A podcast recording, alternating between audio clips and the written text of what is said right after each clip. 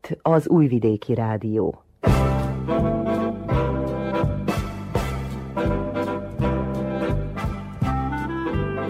Mozaik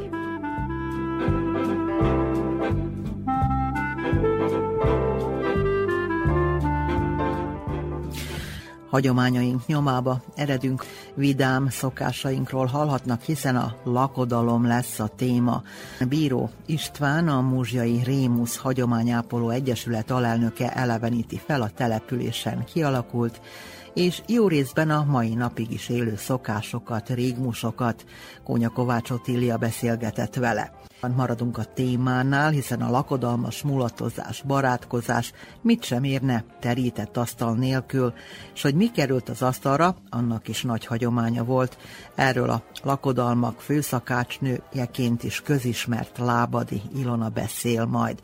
Mindezt jó lakodalmas zenével is megfűszerezzük. Előzetesben csak ennyit, és már indulunk is a muzsiai lakodalomba.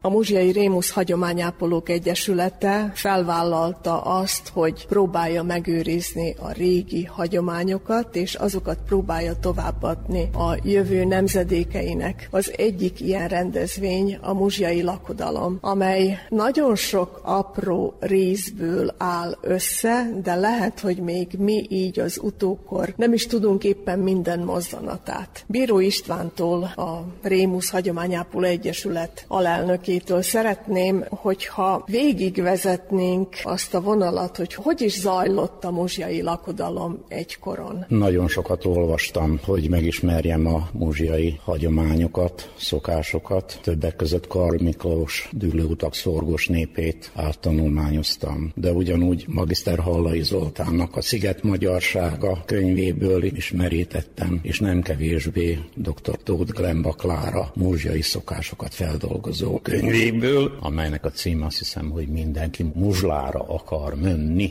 Hát a mi rendezvényünk célja az, hogy ezeknek a régi lakodalmak gyönyörű népi szokásait szeretnénk újra bemutatni, felidézni, az ifjú nemzedék számára átmenteni. A muzsai lakodalmi szokások ezek hosszú éveken, talán évtizedeken át alakultak ki. Janis Muzsját 130 évvel ezelőtt alapította az akkor regnáló szabadelvű elvű párt, magyar párt becskereken politikai, illetve nemzetpolitikai célokból. Egyrészt gazdaságpolitikai célja az volt, hogy becskerek akkor, abban az időben nagy iparosodási forradalmon ment keresztül. Hiányzott a munkaerő. Másrészt viszont beszerette volna magának biztosítani a szavazat többséget, hogy vezető pozícióban maradjon. Így erre a területre Felső Muzsia térségébe, a Bega jobb partjára, a Tiszáig elterülő Felső Muzsa nevű térségbe az Északbánság mint egy 18-20 településéről olyan 400-420 magyar katolikus hitvallású családot verbuvált, telepített össze. Milyen körülmények között esett a, a választás Muzsjára, erről érdekességeket is lehet hallani, de az, hogy végül is Muzsjára került a választás a két helyszín között, hogy hol is fogják ezt a települést létrehozni, ez egy csalafinta, úgymond cselszövésen alapult, aminek a részleteiről olvashatnak Tóth Glemba Klára könyvében, amit az előtt említettem. Részleteket inkább az olvasóra bízom majd. Tehát az ide települt családok erre a mocsaras, szikes vidékre érkezve, hát nagyon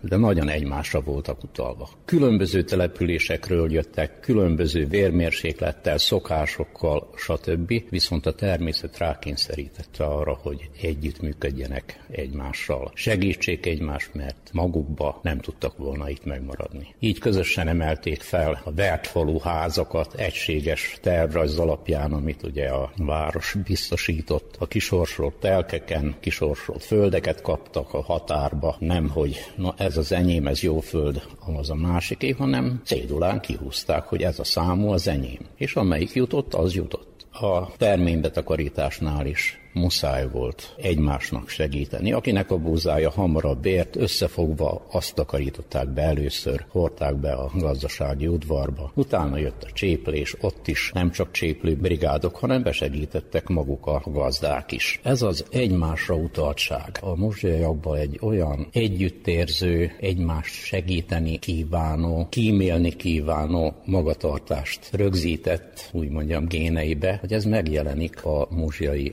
lakodalmak menetében is. Kezdjük onnan, hogy Muzsján a lakodalmak azok két voltak. Külön ülték meg a lakodalmat a lányos háznál, külön a vőlegényes háznál. Sátrakban volt először a lakodalom, illetve kezdetekkor még magába a házba. Kirámolták a bútort az udvarba, vagy a verandára, és benne a szobába, ne a első esetén ne de a szép idő volt akkor viszont kint, sátorban folyt a lakodalom. Az előkészületek már megkezdődtek, mond két héttel is a lakodalom előtt, a lakodalmi vacsorához, a csókús leveshez, a tésztát előre meggyúrták, az mondjuk, hogy legyen ideje kiszikkadni, megszáradni.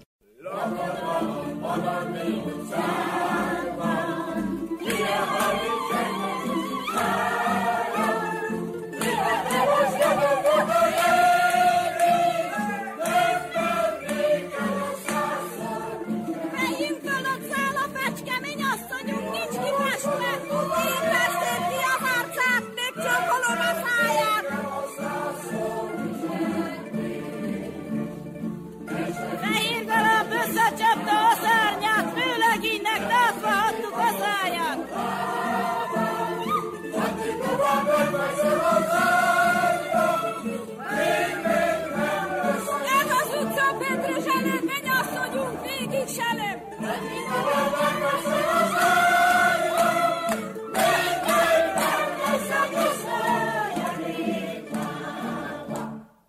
Maga a hívogatás viszont a lakodalmat megelőző vasárnap történt, méghozzá bőfélyek és a házigazda, meg a nősülendő vagy férhez menendő leányzó kíséretében meglátogatták a rokonokat listával, amelyen első helyen az első a testvérek, azok családai, majd a második a testvérek családjai, attól függően, hogy hány házas lakodalmat tudott elbírni a házigazda anyagilag. Itt meghívták függetlenül attól, hogy valakivel esetleg jó viszonyban voltak, vagy éppenséggel összevesztek, nem beszéltek, mindenkit meghívtak erről a listáról. Persze a szomszédok, barátok is meg voltak hívva lakodalomba a rokonság mellett. A meghívottak még akkor is fogadták a házigazdát, ha nem voltak jó viszonyban nem volt illő visszautasítani a vőfélyeket és a házigazdát hívogatáskor. Esetleg nem jelentek meg a lakodalomba. Viszont a házigazda, ha úgy számolt, hogy 200 házra hívogat, ami ugye beszorozva még hárommal, négyel, néha öttel is, bizony elég népes társaságot jelentett, és nem tudta, hogy most ezekből mennyi fog megjelenni. Na most, a vőfélyek, amikor hívogattak, a nagy vőfély hívogató szövege, amelyet esetleg elmondhatok, után a kisvőfé bort öntött a hívogatás jeléül a házigazda poharába. A házigazda már itten jelezte egy módon, hogy vajon részt fognak-e venni szívesen a lakodalomba, vagy netán nem. A házigazda rögtön a szájához emelte azt a boros poharat, majd az első korty után csettintett a nyelvével és rákérdezett, hogy na, marad -e ebből a jóborból a lakodalomra is? Ez már egy pozitív jel volt, hogy valószínűleg meg fognak jelenni a lakodalomba. Most akkor hallhatnánk azt a szöveget, amit a vőfély mondott? Persze, ez így szólt, mikor beértek a házba, hogy dicsértessék az Úr Jézus Krisztus. Mi ide siettünk, mint folyóvíz csavargó útján, be is léptünk e háznak benyíló ajtaján, melynek piros rózsák nyílnak minden ablakán. De nem is erőből léptünk e hajlékba, hanem az Úr Jézus Krisztus vezérletével. Ezért megkérnénk a házigazdát, hogy annyi helyet adjanak, hogy vőpétársammal megállhatnánk, pálcánk alsó végét a földnek szegezve pár szót szólhatnánk. Először dicsérjük az Atya Isten, ki minket teremtett. Másodszor dicsérjük a Fiú Isten, ki minket megváltott Harmadszor dicsérjük a Szentlélek Úristen, ki minket megszentelt. Negyedszer dicsérjük a Szent Háromságot, mely elrendelte szent házasságot. Ötödször dicsérjük a házigazdát és a házában élő összes családját. Kiket gazduron, mellettem álló gazduram, fiának öröme napjára, ránk következő szombaton 11 órára, szeretettel elvárja önöket egy pártány rételre, pár pohár borra és egy ideig tartó vígmulatságra. Dicsértessék az Úr Jézus Krisztus. Ezután következett a boröntés és a reakciója a házigazdának, amelyel jelezte, hogy na, szívesen vesz részt a lakodalomba. Ha nem volt ilyen visszajelzés, akkor már kételyek merültek föl, hogy vajon, vajon el fognak-e menni, vagy nem.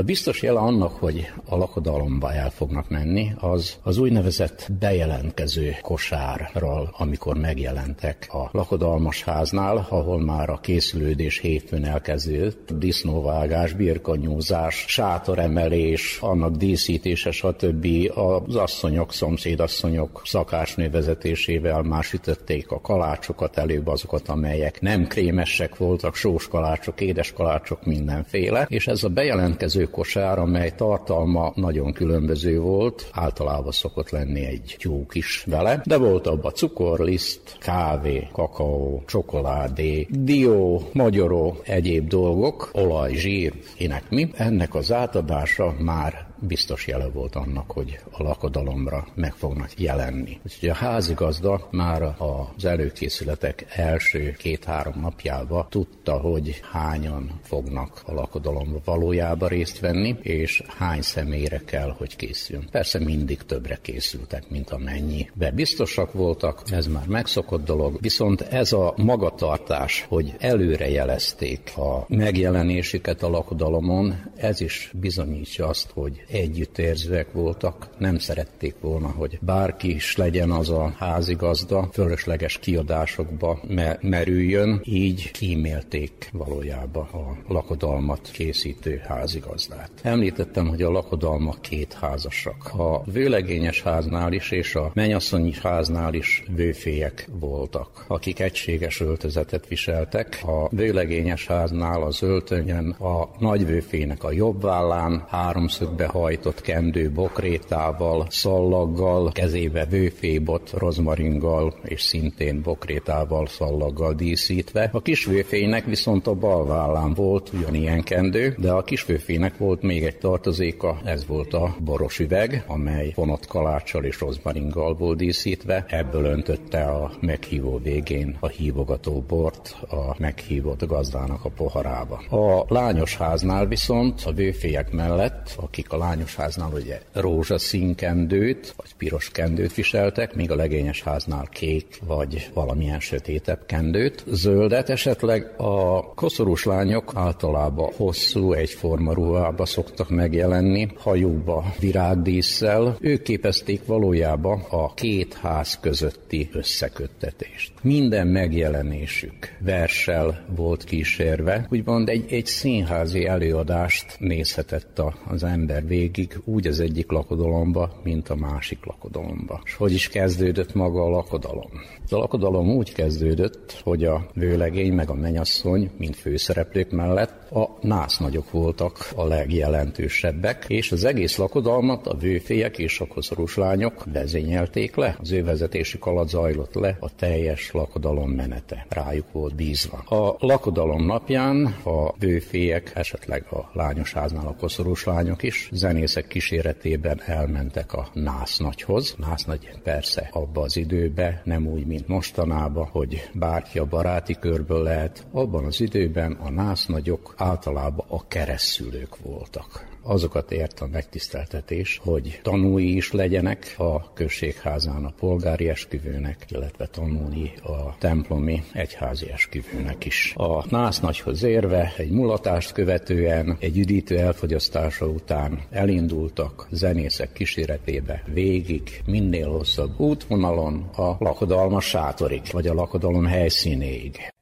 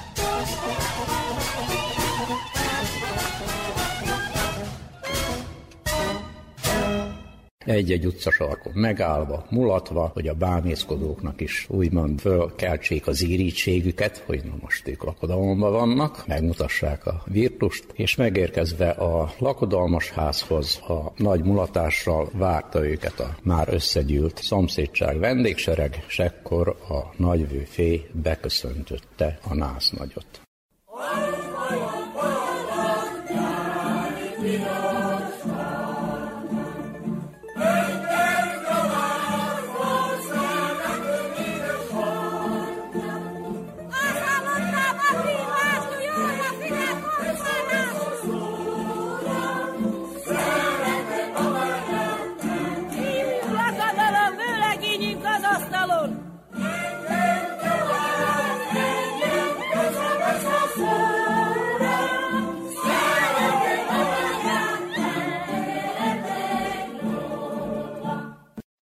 megérkező nász nagyot feleségét és családját a sátorban persze a házigazda fogadta, és a nagyvőfély a házigazdának beköszöntötte a nász nagyot, méghozzá a következő szöveggel. Tarts kormányt, muzsikus! Utamat szerencsésen bejárva a nász urat elkísértem-e vidám hajlékba. Ime nász uram vélem megérkezett, tessék házigazda, fogjon véle kezet, és a fő principális asztal mellett adja át neki a násznagyúri helyet, húz rá a násznagyot, amikor a vőfély a beköszöntő után átadja a házigazdának, a házigazda beülteti a főhelyre, és ezek után már a nász nagy a lakodalomnak a fő személyisége. Ő fogadja a többi vendéget, kínálja meg vendégváró itallal, helyjel a sátorban vagy a teremben, és minden vendég hozzá lesz beköszöntve. Ezt követően hamarosan beköszöntik a vőlegényt is, kisvártatva érkeznek a lányos háztól a menyasszony asszony koszorús lányai. Megfelelő rigmus után, elmondása után feltűzik a bokrétát a násznagyúrnak és a családnak, illetve szintén megfelelő rigmus után a bőlegénynek is. Hát a bőlegény bokréta beköszöntőjéből egy részletet mondanék csak el. A mi mennyasszonyunk bokrétát kötött cserfa leveléből harmad csillog rajta az örömkönnyétől. Kinek tűznél, kinek adná másnak, mint a hajlék legszebb virágjának. Éljen, álljon meg hát vaj hajdák hegedűk pengése, némuljon meg a sarkantyú pengése, mert most lesz a bokréta beköszöntése. Legyenek csendben, míg nem lesz végzése. Éljen! Feljött már a nap szép nagy aranysugarával, a mi mennyasszonyunk örömmel napjára. Fel is tűztük neki azt a gyöngykoszorút, melyet az Úr Jézus neki is megadott. Éljen! Messzi útról jöttünk, de nem siker nélkül virágot is hoztunk az ékes kis kertből. Ezt a bokrétát is onnan szakajtottuk, melyet vőlegény urunknak ajándékba hoztuk éljen. Úgy látom, vőlegény urunk elmosolyodott, hogy a menyasszony két koszorús lánya szép bokrétát hozott. De ő még szebbet szakajtott a szerelem kertjéből, csak vigyázzon, vesztére ne vágyon, éljen. Még egyszer felkérem a tisztelt Nász nagyurat, fogadj el a mi menyasszonyunkat, menyasszonyunk után két koszorús lányát és annak szép ajándékát. Éljen. Messzi útról jöttünk, könnyű cipőt húztunk, könnyű cipő talpán táncra is indultunk. Tisztelt Nász nagyuram, ne sajnáljon egy vígnótát húzatni, amely a kiskapuig fog tartani. A mi cipőnk talpán ez meg se fog látszani. Húz rá. És a bokréták beköszöntése után visszatérnek ugye a lányos házhoz, menyasszonyos házhoz, felöltöztetik a menyasszony, segítkeznek a zöltözésbe, majd a vőfélyek beköszöntik az ottani nász nagynak, vagyis a keresztapának a menyasszonyt, aki ott helyet foglal. A beköszöntött menyasszony a rokonságból, vagy éppen a testvérével fog ülni, a nász nagy, nász között fognak helyet foglalni, és ezentúl ők is a vendégek beköszöntésekor ők is fogadják a vendégeket. Ezt követően a koszorús lányok beköszöntik a menyasszony csokrot. Mi is felvirattunk-e naphajnalára, a mi menyasszonyunk öröme napjára. Virágos úton jártam, virágot is szedtem, vőlegény urunknak bokriktát kötöttem, éljen. Paradicsomkertből épp most érkeztem, mely gyönyörű, s a kertgyümölcséből ettem. Mivel ott sokat kertészkedtem, virágot és rózsát bőven termesztettem, éljen. Virág és rózsa e kertnek vezére, nemes magyar lányok országos címere. Kora reggel keltem, hogy csokorba kössem, hogy a mi mennyasszonyunkat vele ékesítsem, éljen. Tisztelt Nász nagyuram, fogadja el tőlem, s juttassa mennyasszonyunk saját kezébe, nehogy örömömbe talán elveszítsem, s vőlegény urunk üdvözletét megsértsem, húzd rá. És persze a bokréták meg a mennyasszony csokor beköszöntése után a koszorús lányok minden megérkezett vendégnek rozmaringot tűznek a lakadalom jelképét, és folytatódik a további tevékenységük. Ezt követ követően már lassan megkezdődik a készülődés az indulásra az esküvőre. Tarts kormányt, muzsikus! Ime eljött az indulásnak az órája, induljunk el tehát, és menjünk annak rendjébe. Keressük föl vőlegényünk párját, ékes menyasszonyát. Szerezzünk neki örök boldogságot, hozzunk a keblére szép gyöngyvirágot. Vitézeim vannak egész sereg asszony, akikkel biztos csatát nyerek. El fogom hozni szép menyasszonyunkat, és vele végasztalni vőlegény urunkat, húzd rá!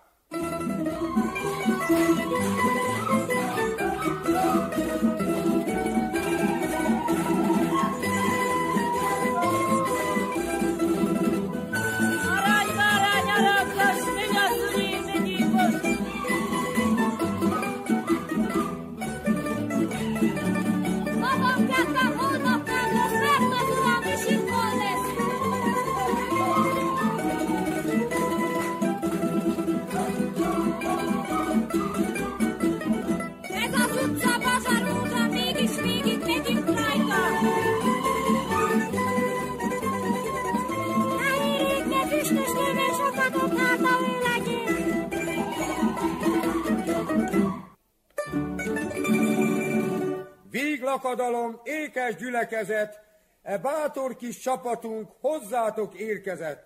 Tisztelettel kérjük vőlegényünk párját, hogy haza kísérjük, hogy láthassuk boldognak vőlegény urunkat, ezzel átadjuk drága ajándékunkat vívát. A vőlegényes ház vőfiei érkeznek a mennyasszonyos házhoz, hogy kikérjék a mennyasszonyt az esküvőre. Tartskormány muzsikus, dicsértessék az Úr Jézus Krisztus. Tisztelt Nász nagy uram, hogy vannak, mind vannak, mind szolgál az egészségük. Örülök és örvendek, hogy friss és jó egészségbe találtam ezt a szép hajlékot, lelki békességet és állandó szépséget kívánok. Éljen! Legyen szabad dicső vendégkoszorú, illő nekem egy pár szót mondani, hogy az ünnepélyes napunknak a célját kijelenthessem. Tisztelt Nász nagyuram, jól tudja, hogy a ház kiskirálynőjének ma van a szent ünnepéje éljen. Ezért kérem a dicső vendégkoszorút, hogy a menyasszonyunk az ő vőlegényével ma az Úr oltára elé menjen, a szent esküvjét összeköthessék, és a hűség szeretet rózsaszálával örökre egybe köthessék, éljen. Nem vagyunk mi se törökök, se rablók, hanem a mi kis királyunk küldöttei vagyunk. Itt a levelünk Krisztus vérével van írva, testével le is van pecsételve. Fogadja, olvasson belőle, és mondja meg, hogy igazúton járunk-e vagy sem. Éljen. Itt kikérték vitték a menyasszonyt az esküvőre, és visszatérve jelentést tesznek, hogy milyen szépen fogadták őket, és hogy minden rendben van. Ezt is megfelelő rigmussal. Ugye külön mentek egyik ház, és a másik ház menete is lakodalmas menete a templomi esküvőre. előtte, igen, előtte azonban a lányos háznál megtörténik a menyasszony búcsúztatója, amely szintén szép rigmussal van végigvezetve. Tarskormány muzsikus, tisztelt násznép, halljunk egy pár búcsúszavat, mielőtt itt hagyjuk e menyegzős házat, mert illő mielőtt indulunk, Isten ember előtt méltán beszámoljunk, éljen. Szép menyasszonyunk is mondta volna, ha a szív az érelmétől szavakhoz juthatna. Így elmondom, mit elméje gondol, így formán látom bús arcáról, éljen. Örömmel virat rám a mai szép reggel, örömmel üdvözöltem ártatlan szívemmel. De most a szívemet nagy bánat érte, mert a házas életre most lépek fel, éljen. Hosszú az utam, melyre most indulok, azért jó Istenem, te hozzád fordulok. Húzgó szívvel bocsánatot kérek, most áldást és segét te tőled nyerhetek, éljen. Ne hagyj el, kérlek, e nehéz utamban, szent fiad állítsd mellém nyomomban. Most változik meg életemnek útja, síri örömre vagy örökös búra, éljen. Hozzátok is szólok, kedves jó szüleim, kik itt jelen vagytok, testvérim, rokonim. Kísérjetek el ti is az Isten házába, kérjétek az Istent értem imádkozva, hogy adja áldását szent házasságomra, ne váljon az nékem soha se káromra, éljen. Induljunk el innen a Szent Háromság nevében, a nehéz utunkban vezéreljen az Isten húz rá. És megindul a menet, külön a vőlegényes háztól, külön a menyasszonyos háztól, még csak véletlen se keresztezzék az útjukat, mielőtt a községházára, a polgári esküvőre érnek, külön útvonalakon, azt is minél hosszabbat választva, hogy a bámészkodók is örömüket lehegyék a látványban, megérkeznek a községházára, ahol ugye megfelelő szertartás mellett egybe kelnek, megtartják a polgári esküvőt. A polgári esküvőről szintén külön oldalon vonulnak át, vonul át a násznép a templomba, az egyházi esküvőre. De onnan már a vőlegény is és a mennyasszony is már egy párként együtt vonul a lányos ház lakodalmába. Az otthon maradt vendégek és persze a kísérő népség is nagy mulatással várja be őket, a vőfélyek megfelelő rigmussal beköszöntik az új párt, helyet foglalnak, és nem sokára megkezdődik a mennyasszonytár dance.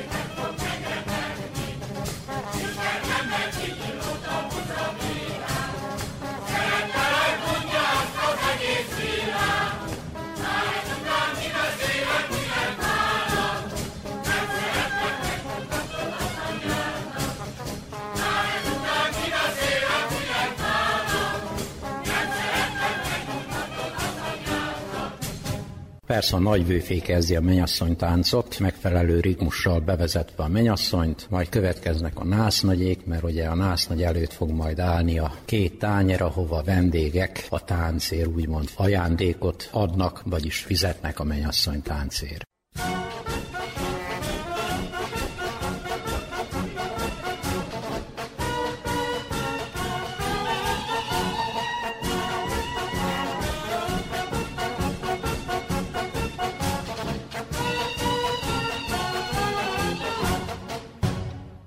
A mennyasszonytánc előre elkészített lista alapján történik. A nász nagy után rögtön a szülők következnek, nagyszülők, majd a testvérek és a rokoni lépcsőfokokat követve az összes többi vendég. A végére maradnak általában a barátok, illetve a szomszédok. Amikor véget ér a listán a haladás és szabad a menyasszony, akkor a vőlegény kifut a menyasszonyjal, és tovább folyik a mulatozás. Ezt követően jön a lakodalomnak a legmeghatóbb pillanata, amikor a mennyasszonyt búcsúztatják a szülői háztól, szüleitől, testvéreitől és a rokonságtól. Volt egy vőféjünk, Dészó bácsinak neveztük, aki olyan meghatóan tudta ezt a búcsúztatót elmondani, hogy még a férfi szemek is könnyesek lettek. Úgy még nem hallottam a fiatalabb vőféjektől olyan hangnembe búcsúztatni egy mennyasszony, mint az öreg vészó. Mikor megtörtént a mennyasszony mennyasszony búcsúztatója, persze előtte ugye átadták a mennyasszonynak a fáradtságdíjat, ami mulatás követően vonultak ki. Ezután következett a mennyasszony búcsúztatója, és a búcsúztató után útra kelt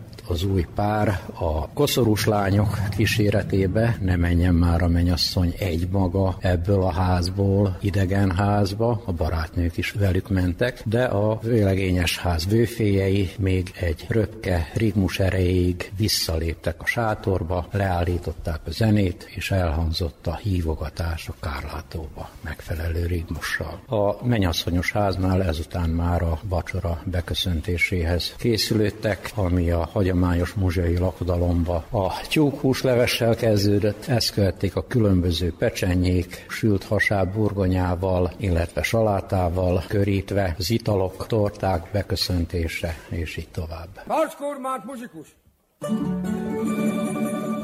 Szépen fölkérem a vidám társaságot, hogy hagyják egy kicsit félbe a mulatságot. Mert engemet máma kineveztek belügyminiszternek, úgy hiszem, hogy ebbe ti is beleegyeztek, hogy a lakadalmas házban ki vagyok, mi vagyok, majd mindjárt be is mutatkozok víván. Utánam érkeznek terhelt tevéim, ezt fogják követni pompás étkeim. Az első tál étel lesz bagol nyerítés, ezt fogja követni a kemence nyögés. Csirkeordítás, borjú köhögés, és végre megérkezik az üres kocsi zörgés. Odakint egy vaddisznó vagyon megláncolva, két beteges bolhavar nyársra húzva. Sült pesenye helett egy nagy fejszefoka, és egy 77 esztendős keréknek az agya.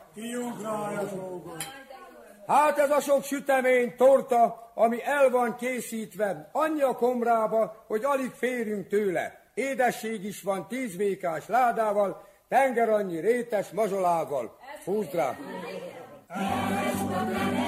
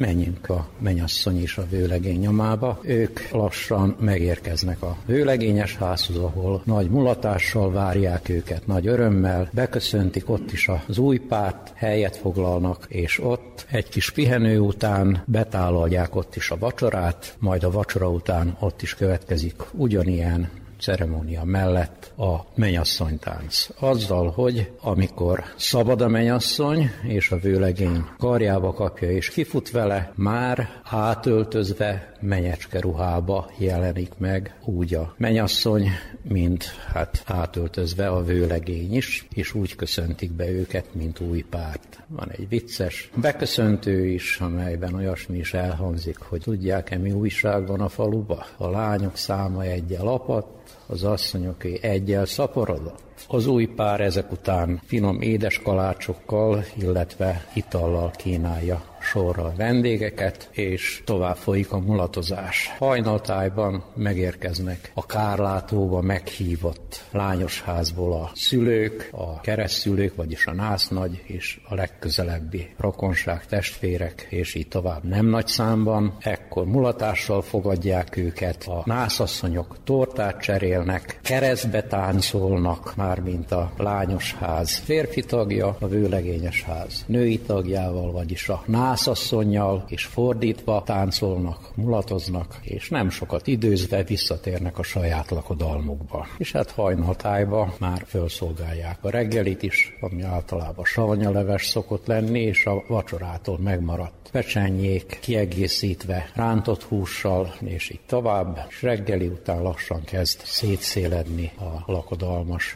népség, és amikor már alig maradnak, a nótázás már a végletekig nyúlik, az új pár lassan búcsút int és nyugovóra tér. Húzd rá!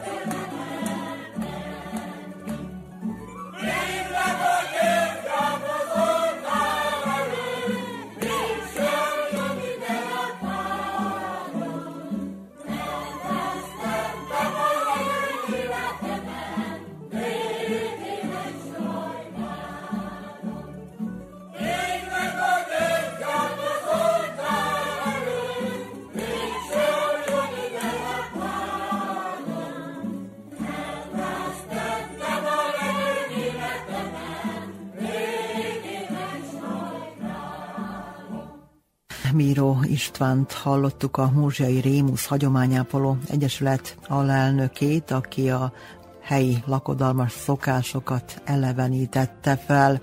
Azonban a témához tartozik a terített asztal is. A múzsiai lábadi született bíró Ilona 86 éves, valamikor a környéken a lakodalmak főszakácsnőjeként ismerték az előzőleg halott lakodalmi szokásokat kiegészítőleg. Most azt hallgathatjuk meg, hogy mi került régen a lakodalmas vendégek elé az asztalra. A száznál is több vagy több száz személyes vendégsereget nem is egyszerű megetetni, hogy finom is legyen meg, jusson is mindenkinek elegendő, és ne legyen sok kidobandó finomság. Ehhez tudomány kell. Kónya Kovács Otília beszélgetett bíró Ilonával. A muzsjai lábadi született bíró Ilona régebben lakodalmakban fűzött. Ő volt a fűszakácsnő. Ennek apropóján látogattam meg, hogy egy kicsit elbeszélgessünk. Említette a jó előbb azt, hogy lassan-lassan belekezdett így a lakodalmas főzőcskézésbe, de mikor vállalta el azt az igazi nagy lakodalmat először? De olyan, hogy maga volt a főfő? Mindig is én voltam, mindig is engem kerestek. Úgyhogy én a főzést, beosztását Zsiga Julis néni adta meg. Ő szerette volna, hogy én menjek kalácsot sütni, azt mondja, hogy ő meg a főzésre. Akkor ő neki az az ő csapatja, ment volna, én belem meg, amikor én mentem kalácsot sütni, nekem nem kellett senki. Hát mindenki jött össze, rokonság, meg a szomszédság. Én, amit parancsoltam, és megcsináltam, meg én, amit láttam, hogy az nem tudja, én mindig nyolcra, fél nyolcra, de hétre biztos, hogy ott voltam. És estig. Volt, mikor Nyolc órakor hoztak haza. Kezdjük onnan, hogy egy lakodalomra mikor kezdődtek az első előkészületek? Hogy osztotta be, amikor magát fölfogták, hogy maga lesz a főszakács, akkor hogy indult minden? Mi volt az az első mozzanatok és sorjába, hogyha végigmesélni, hogy, hogy hogy is alakult minden? Tehát milyen süteményeket készítettek, hogy csinálták? Ezt szeretném, hogyha így végigvezetne bennünket. Először is ugye apró süteménye, de legelőször, mikor eljöttek, és volt olyan, hogy volt, akit nem fogadtam el. Mikor azt kérdezte, hogy mennyi éméne, hát akkor nem én kerülök. Akkor kérdeztem, mikor lesz a lakodalom, és akkor mindjárt rávágtam, ah, mondom, az a szombat el van foglalva. Úgyhogy ezt Julis néni mondta nekem, azt mondja, el ne fogad. Ha megtudod, hogy már előtted volt, aki főfogta, csak lemondta, azt se fogad el. És úgyhogy hát akkor megbeszéltük, hogy hát milyen kalácsokat akarnak. Volt én nekem olyan lakodalmam, hogy mikor elgyűjtek, és azt mondta a gazda, hogy ahány asztal van, csak egy tányér apró kalács lesz rajta. Többet ne süssek. Mikor kész volt a lakodalom, akkor azt mondta, hogy nem bír most kifizetni bennünket, mert fiatalok fönt fekszenek a szemeleten, és a pénz ott van fönt. Én mondtam neki, hogy az asszonyokat fizesse ki, engemet meg majd kifizet, amikor lesz pénze. No, úgyhogy én hétfőn mindig mostam ugye kötőjeimet, mind hétfőn alig fogtam hozzá a kötőimet mosni, már elmondjuk a gazda hozta. Hanem mondom, voltak ilyenek, voltak olyanok. Volt, aki meg nem bánta, akár mennyit csinálok, csak ölég legyen, csak ölég legyen. Úgyhogy akkor az apró tésztákra. Mikor is indult a munka? Kedden. Vasárnap behívogattak, kedden reggel, akkor én már indultam, mentem. Először is ugye az apró tésztákat kezdtük, de már estefele a dobostorták mentek, mert annak nagyon sok lap köllött, és én úgy szerettem, hogy az nagyon vékony legyen. Úgyhogy krémök nem voltak főzve, hanem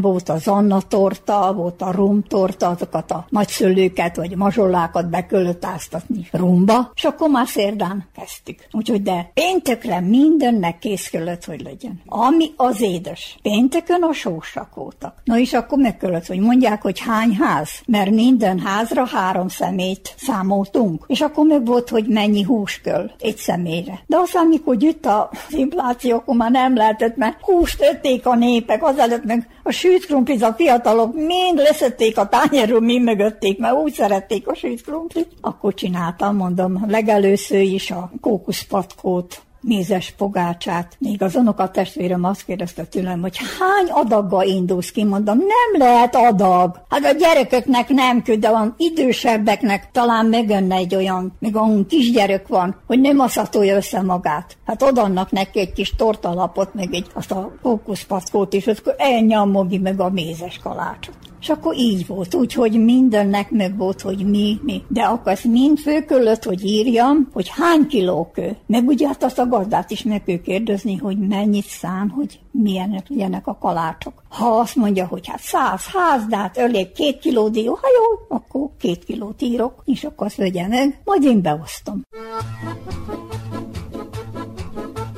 Rámás csizmám, tézig, lucskos, nagy a lédegazsár. Dráma csizma mégis mindig kivelődik jár. Jegykendőmet cifrán vartam, szép van a legközepén. Jegykendőmet mégis neked vágnakodom én. Máshoz még téhez, más veszek el Rámás csizmám tényleg úcskos, nagy pipa létek a sár. Rámás csizmám mégis mindig kivelődik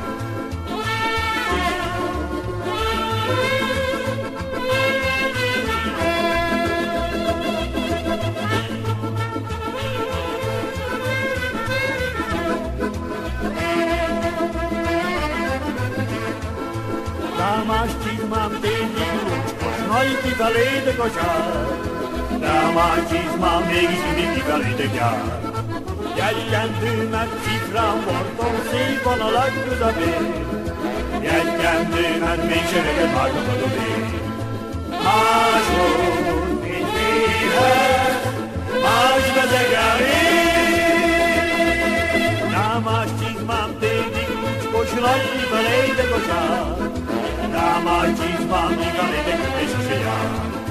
Máshol itt éhet, más veszegelé. Drámás csizmám tényleg, és belejde kožár. Dráma ti mám, ty belejde kmeščeňár.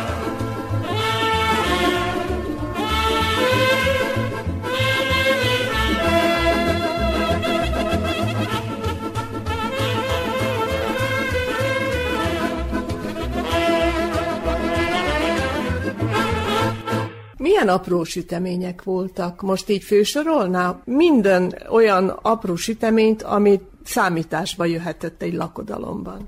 Hát volt a mézes bogácsa, a kókuszkifli, akkor volt a piros barackot, már aztán gyerekek csak dobálták, aztán már a mézes barackot, mogyoros barack az ment, úgyhogy akkor mogyorót nem kaptak egy helyen. Épp olyan krízis volt a mogyoróva, és akkor mondtam, hogy semmit, legyen dió, diót megpörköljük, és már jó is lesz. Úgyhogy meg a tortalapok. Volt az a, mondták szexi, de nem szexi, azt nem finom tortalap, speciális tortalap. Akkor voltak másfajta tortalapjaim is, több fajták. Épp a jó múltkor csináltam azt a színeset. Azt mondják, ezt még soha maga nem csinált. Hát most eszembe jutott. Na ilyeneket azért megcsinálok. És akkor hát ugye csináltam meg torták, hát annyik voltak, hogy, hogy a szódáséknál 70 tortát csináltam. De olyan nagyokat, mint egy tepsi. Úgyhogy 25 30 valahány a tepsi. És akkor azok voltak. Nagyon sok fajta. És a torták, azok milyen torták voltak? A legmenőbbek? Minden tortám jó volt. Hát volt a dobos torta, akkor volt a Katarina torta, Kennedy torta, rum torta, narancs torta, citrom torta, klavír torta, kávé torta, nagyon sok fajta. És akkor meg volt, hogy hány ház, akkor hogy mennyi legyen belőle csinálva, ne legyen eldobva. Tudom, itt a barátfalva, hogy kezdődik, nagyok is kibentek külföldre, de ennyi legyen, de annyi legyen, mondom.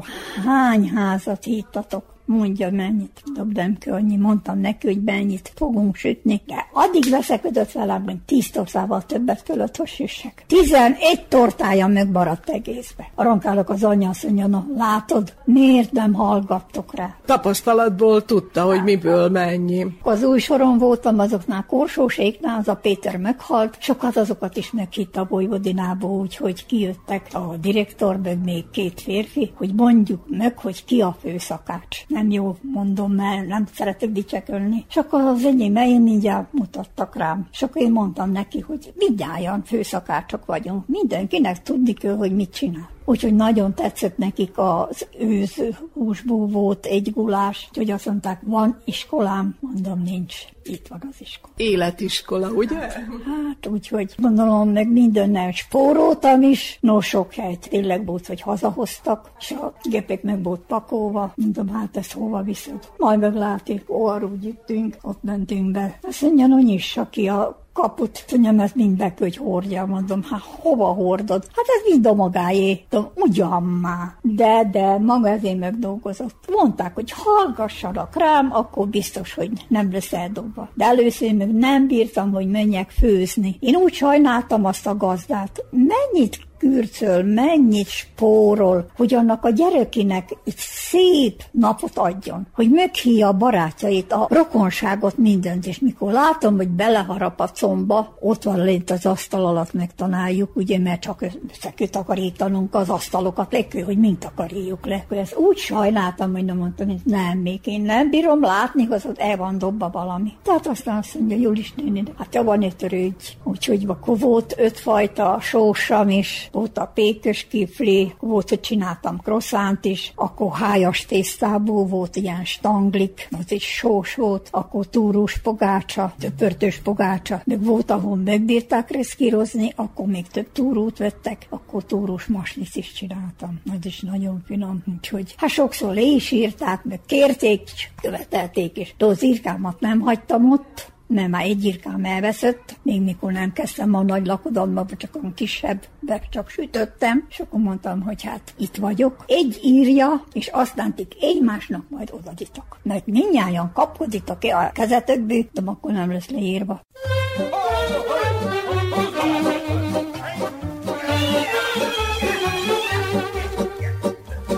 van közepében a télnek, Csókék könyörökre menélyen, most már világos a rég, nem kell szíved a jég, késő minden kísérem,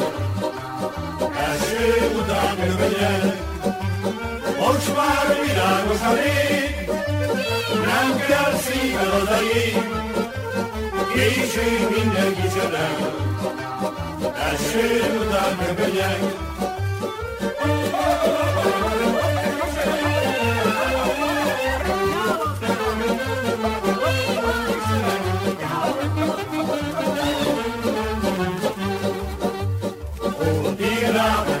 Szemem, azt mondja, nem zárnál a szívemben, most már ne kacsíts velém, most már más veledek én, késő mindenki csodál, eső után köpenyel, most már ne kacsíts velém, most már más szeretek én, késő mindenki csodál, eső után köpenyel,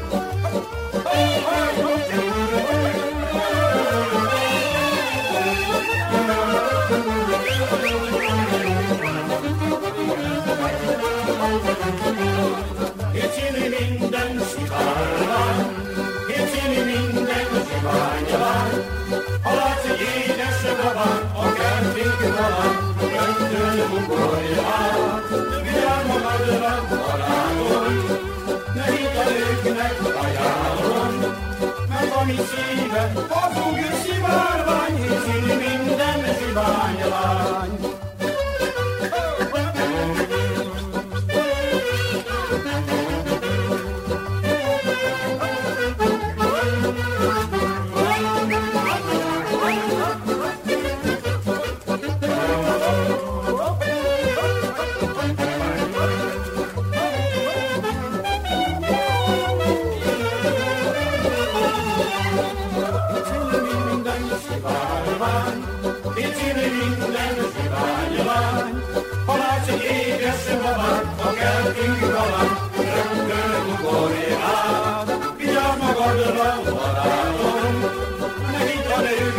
Ajánlom, meg ami szíve, hazug szivárvány, hiszi minden zsiványlány.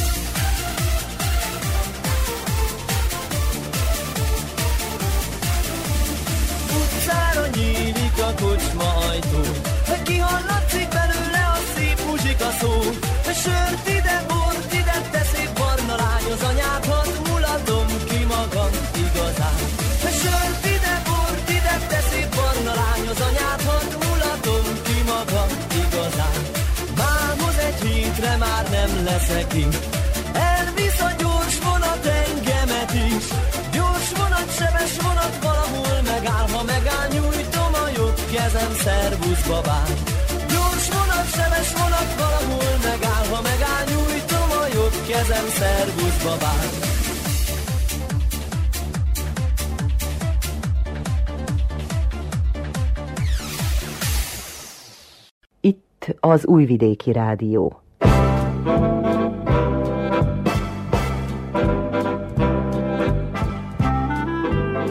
Mozaik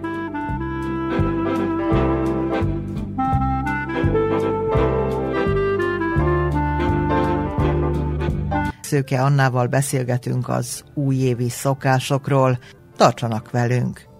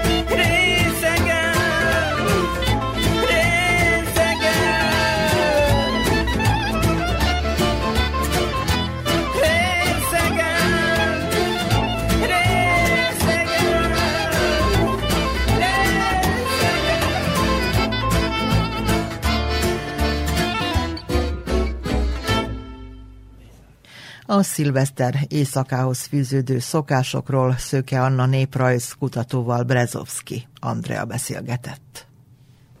Szilveszter éjszakájához és az újévi ünnepekhez megvannak azok az ételek, amelyekhez fűződnek hiedelmek, babonák. Melyek ezek? Most kérdezem Szőke Annától, Kishegyesi néprajzkutatótól.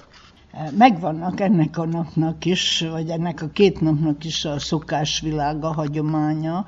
Hát minden esetre 31-én szilveszter napján készültek arra az emberek, hogy mulatnak éjszaka, és, ez, és nem biztos, hogy mindjárt tudnak főzni is elsőjén. A kocsonya az kötelező volt, ezt megfőzték szilveszter napján, vagy még előző napokban, és hát most, hogy a kocsonyának van-e külön hagyománya, Kishegyesen nem tettek bele például tojást, nem tettek bele sárgarépát, hanem a legegyszerűbben főzték, aprólékjai a kocának, disznónak köröm, fül és az orr. E, ezeket használták föl, nagyon alaposan átmosták, főleg, hogyha füstről vették le. Annak is volt egy külön íze, azt mindig tudtuk, hogy ez most füstölt alapanyagból készült, később jöttek a mélyhűtős dolgok. Só, borsószemek, nem jobb, jó mondtam, bors, borsszemek, babérlevél, fokhagyma, vöröshagyma, ez kerül csak kishegyesen. Titka, hogy hat óra hosszán keresztül lassan itthon kishegyesen úgy mondták, hogy pöszögjön, tehát lassan forjon. Mennyi alapanyagot raktak bele, tányéronként megvolt, hogy egy fél köröm megy bele, a füléből, vagy egy egész, vagy egy fél, inkább egy a fülnek a fele, és hát ha volt orra, akkor szóval, és annyi vizet öntöttek rá, ahány tányér kocsonyát szerettek volna, és ahhoz rakták ezt a bizonyos mennyiséget. Tulajdonképpen előre beleöntötték a vizet, és akkor jött, hogy félköröm, ebből is, abból is tessék is így. Én nagyon szerettem ezt csinálni, édesanyáméktól megtanultam. Később megboldogult férjem átvette tőlem, és már ő főzte. Azután, hát új év napján a lencse és a bab az, ami dominált. Azt mondták, hogy hallat nem szabad ilyenkor főzni, mert elúszik a szerencse, meg baromfit sem szabad főzni levesnek, -e, tudom én minek, vagy sütni, az meg kikaparja, elkaparja a szerencsét, tehát a, a sült malac, ez a magyar néphagyományban is benne volt itt nálunk is hegyesen is. Kevésbé volt az egész malac sütése, vagy a félmalac, de malachúst, tehát darabokba sütötték, különösen kemencébe, és ha megspékelték még savanyú káposztával, ez nagyon finom volt, nagyon. Lernibe, régebben pedig kemencében készítették ezt. A savanyú káposztát kinyomkodták a levétől, és úgy rakták körül a, a sültnek való malachúst. Um, a húsleves, a gyöngyöző húsleves, ez nagyon érdekes, hogy baromfiból nem volt szabad, de szerintem majdnem mindenhol a, a kakas vagy a tyúkhúsleves az dominált. Csirkét azt nem, nem használt, nem tudtak ilyenkor. Régen nem is volt, nem nőtt meg a csirke, vagy már elevágták erre az időre. És Hát ória leves, az is volt, én azt is nagyon szerettem. Ott is megvolt, hogy a füstről vették el le, akkor, akkor beáztatták előző nap, mert ha füstről vették le, a sósabb is volt, füstösebb is. Titka ez, hogy leáztatni, pár órával előbb, vagy már egy nappal előbb beletették a hideg vízbe, nagyon finom, nagyon finom. Azután befőttek régen, ahogy mondták, a dunstok, ez ez nagyon fontos volt. Ünnepi dolognak számított, azért eledelnek, azért mert hát nem tettek el sok befőttet a cukor miatt. Drága volt a cukor hozzá, na de ilyenkor fölbontották a cseresznyét, körtét, ami el volt rakva, hát ennek olyan jó íze volt. A sütemények közül pedig kihangsúlyoznám a linzer féléket, azok több napig elállnak. A krémes, kis hegyesen, jaj, de szeretem, sajnos én nem tudok olyan finomat csinálni, mint nagyanyám, meg szüleim. Nem volt ilyen adalékanyag, így kimondom, tehát nem turmixolták meg pudinggal, meg nem tudom, zselatinnal, hogy kemény legyen, az mind természetes anyag, el, alapanyagból volt, a tojást kiadta az udvar, és így tovább. De meg hát a disznóvágások, ugye a hájból a, a tészta, ezek olyan ízek, amit ma is keresek, megmondom őszintén. Én nagyon sokszor veszek cukrászdákba krémes, de nem az az igazi. Már ezek adalékanyagokkal kicsit meg vannak erősítve, tehát volt a krémes, az ünnepi eledelnek számított, a hájas kifli, már ha hájat említem, és hát ahhoz is kellett egy bizonyos tudás. Ja, és hát a rétes, jó, hogy, el nem, jó, hogy eszembe jut, főleg a mákos rétes, mert a sok apró szem sok pénzt hoz a házhoz, és nyújtottuk, nyújtottuk a rétes tésztát, minél nagyobbra az asztalon, és akkor mákkal megszórtuk. Én már egy kicsit ízesítem, szoktam beletenni reszelt almát is, akkor kicsit puhább lesz a tölteléke. A rétest azért csinálták, hogy nyújtsuk a szerencsénket minél. Szóval általában új évkor minden a szerencse jóslás körül forgott.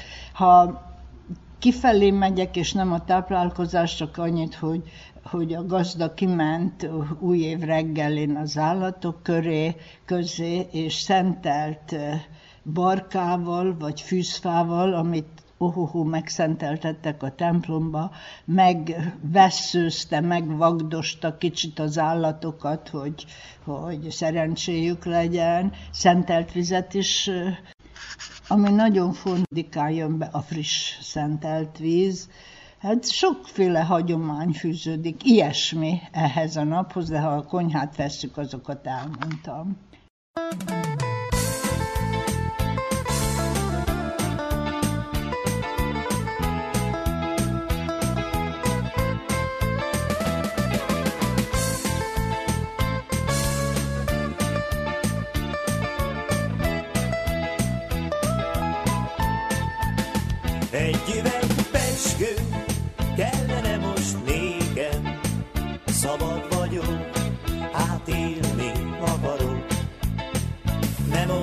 mondja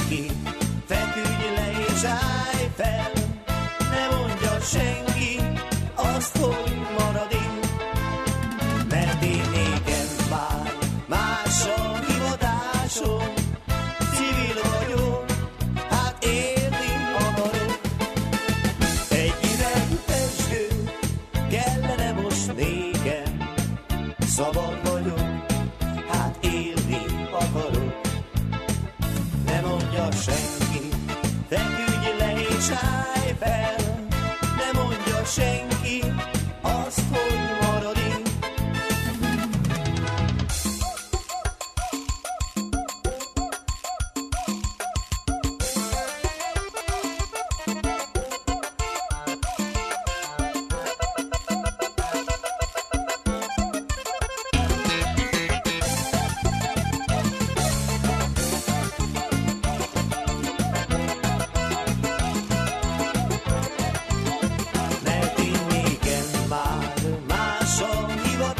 So.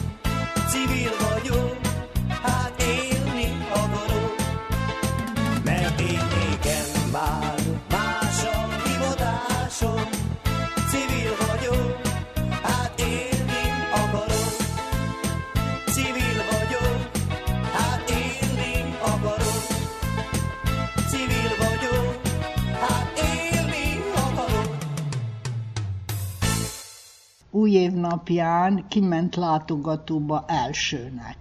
Hát az, az fontos volt, hogy férfi menjen új évet köszönteni. Eh, Ha család ment, akkor a férfi lépjen be elsőnek a kapun az ajtó, mert a férfi hozza a szerencsét.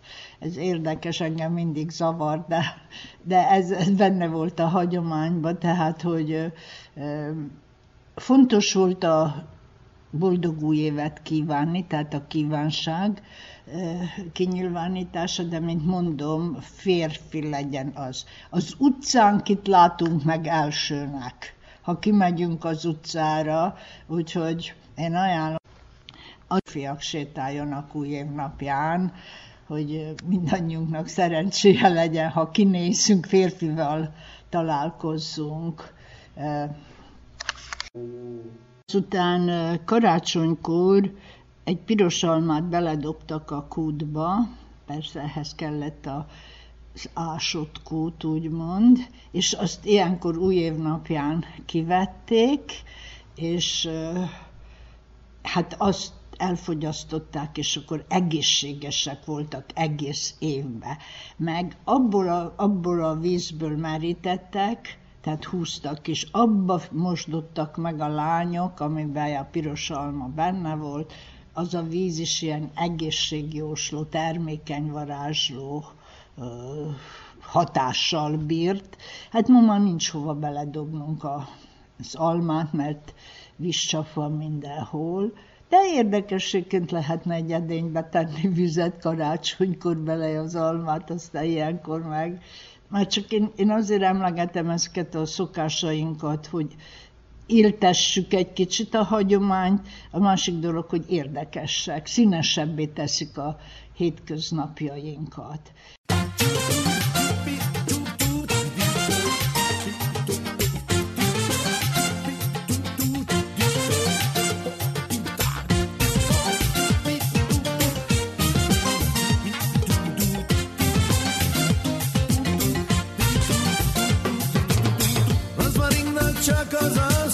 sun.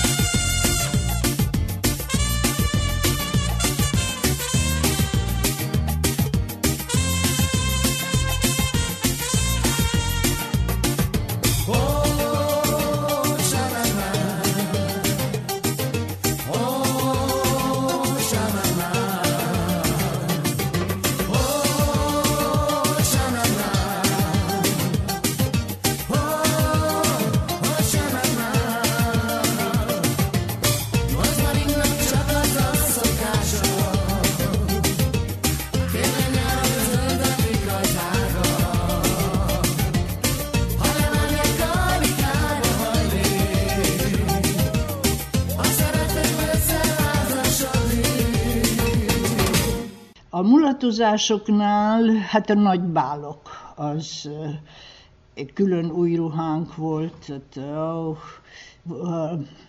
Éttermekben még a tánc volt a domináns, tehát a tánctermekben, utána később pedig, a, amikor már éttermekbe mentünk házasként, bementünk házasként párokba, de hát időbe le kellett foglalni, már októberben helyet foglaltunk, tehát olyan nagy hagyománya volt a mulatozásnak. Ha kicsit tovább messzebbre megyek, akkor édesanyám még mindig mesélték, hogy megvoltak a, a vendéglők, úgynevezett kocsmák, hogy ki hol szórakozik. Ide mentek az iparosok, amoda mentek a, hát a gazdagok, a, inkább úgy mondom, hogy jobb módúak, akkor megvolt, ahova az egyszerű nép ment.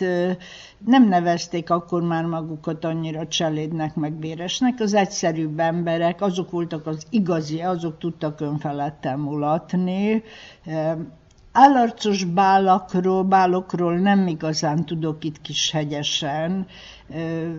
Városiasodni kezdett ez a falu, de bizonyos szokásokat azért nem tudott átvenni. Tehát nagyon nagy volt a, a szilveszteri mulatozás, Akkoriban még nem petárdáztak. Még a 70-es években se, később jön túlzásba a petárdázás, habár a zajkeltésnek nagyon nagy hagyománya van a magyar néphagyományban, igen, ez gonoszűző tevékenység volt, és a, talán a petárdázás és ez a durrogtatás is onnan ered, hogy elűzzék a rossz szellemeket, ami az előző évben volt, és akkor a zajkeltés csörömpöltek, födőket vertek össze, mintha mint a cintányért, meg doboltak, meg minden, Na most ezen a napon, és ez nagyon érdekes, engedélyezve volt a, a szegény népnek, jobbátság, de ha tovább visszajövök a napjainkhoz, hogy mindent a szemére vethettek a nagyúrnak. És az nem sértődött meg, tehát dobolva, kürtölve oda mentek a ház elé, és állarcba, jelmezbe, tehát nem lehetett azért tudni, hogy kik, de, de ráolvastak nagyon sok védket a nagyúrra, a nagyúr meg ezért örült, mert ebből tudott tovább táplálkozni, idézőjelvet téve, tudott cselekedni, tehát tudta, hogy mi az, ami nem felel meg a, a plebei népnek, a szegényebb népeknek, és hát Kisegyesen ennek nincs hagyománya, de a közelbe, a városokban már volt, hogy, hogy kikiabálták a szívük fájdalmát, ami a lelkükbe volt. Mindenkünk mondom, én a szép nagy mulatozásokra emlékszem, amilyen nagyon szép volt, és akkor eh, éjfélkor a tombola következett, eh, Kishegyesen volt például még éjféli újság, és jaj, de szerettük. Ez nem tudom, hát egy húsz éve legalább nincs, de lehet, hogy több is. És akkor abba az újságba szerkesztők egész évben ugye gyűjtötték a humoros történeteket, vagy kikit csalt meg, de akkor az például nem volt úgy névvel írva, hanem ki kellett találni, hogy, hogy XY is sokat jár a Simonkovics Rókus utcába, hát akkor ebből már úgy követ, de sok példának mondom, de nagyon sok érdekességet tudtak ebbe eh, fölhozni, fogalmazások is olyanok voltak, hogy hát az évféli újsági majd, hogy nem verekedtek az emberek, hogy mindenkinek jusson. Ez helyi kiadvány volt, nem tudom, hogy archívumban valahol megvannak-e. Beszélgettünk Urinákossal erről, hogy jó lenne összegyűjteni, és egy bizonyos faluképet is kapnánk ezekből az újságokból, és Hát például volt egy olyan, hogy valakiről leszaladt a nadrág. Valami, és akkor ez kikarikírozva, tánc közben, ügyeltek arra, hogy neveket csak szimbolikusan, de mindenki tudta Ezek jaj, de jó dolgok voltak. Karácsonyfát az utcára nem állítottunk, a díszítés az egyszerűbb volt sokkal, viszont az ablakokba a gyertyák azok karácsonykor is égtek meg új év napján, szilveszter éjszakáján, és ez szép szokás volt. Valahol a fény jelképezte azt, hogy kezdődik egy új élet. Szép volt. Most már nem tudom, hogy vannak-e még bálok. Most a Covid helyzetre gondolok, de nagyon szép szokás volt azért, hogy az emberek kikapcsolódtak, mulattak önfeledten. A szilveszter éjszakához fűződő szokásokról Szöke Anna néprajz kutatóval Brezovski Andrea beszélgetett.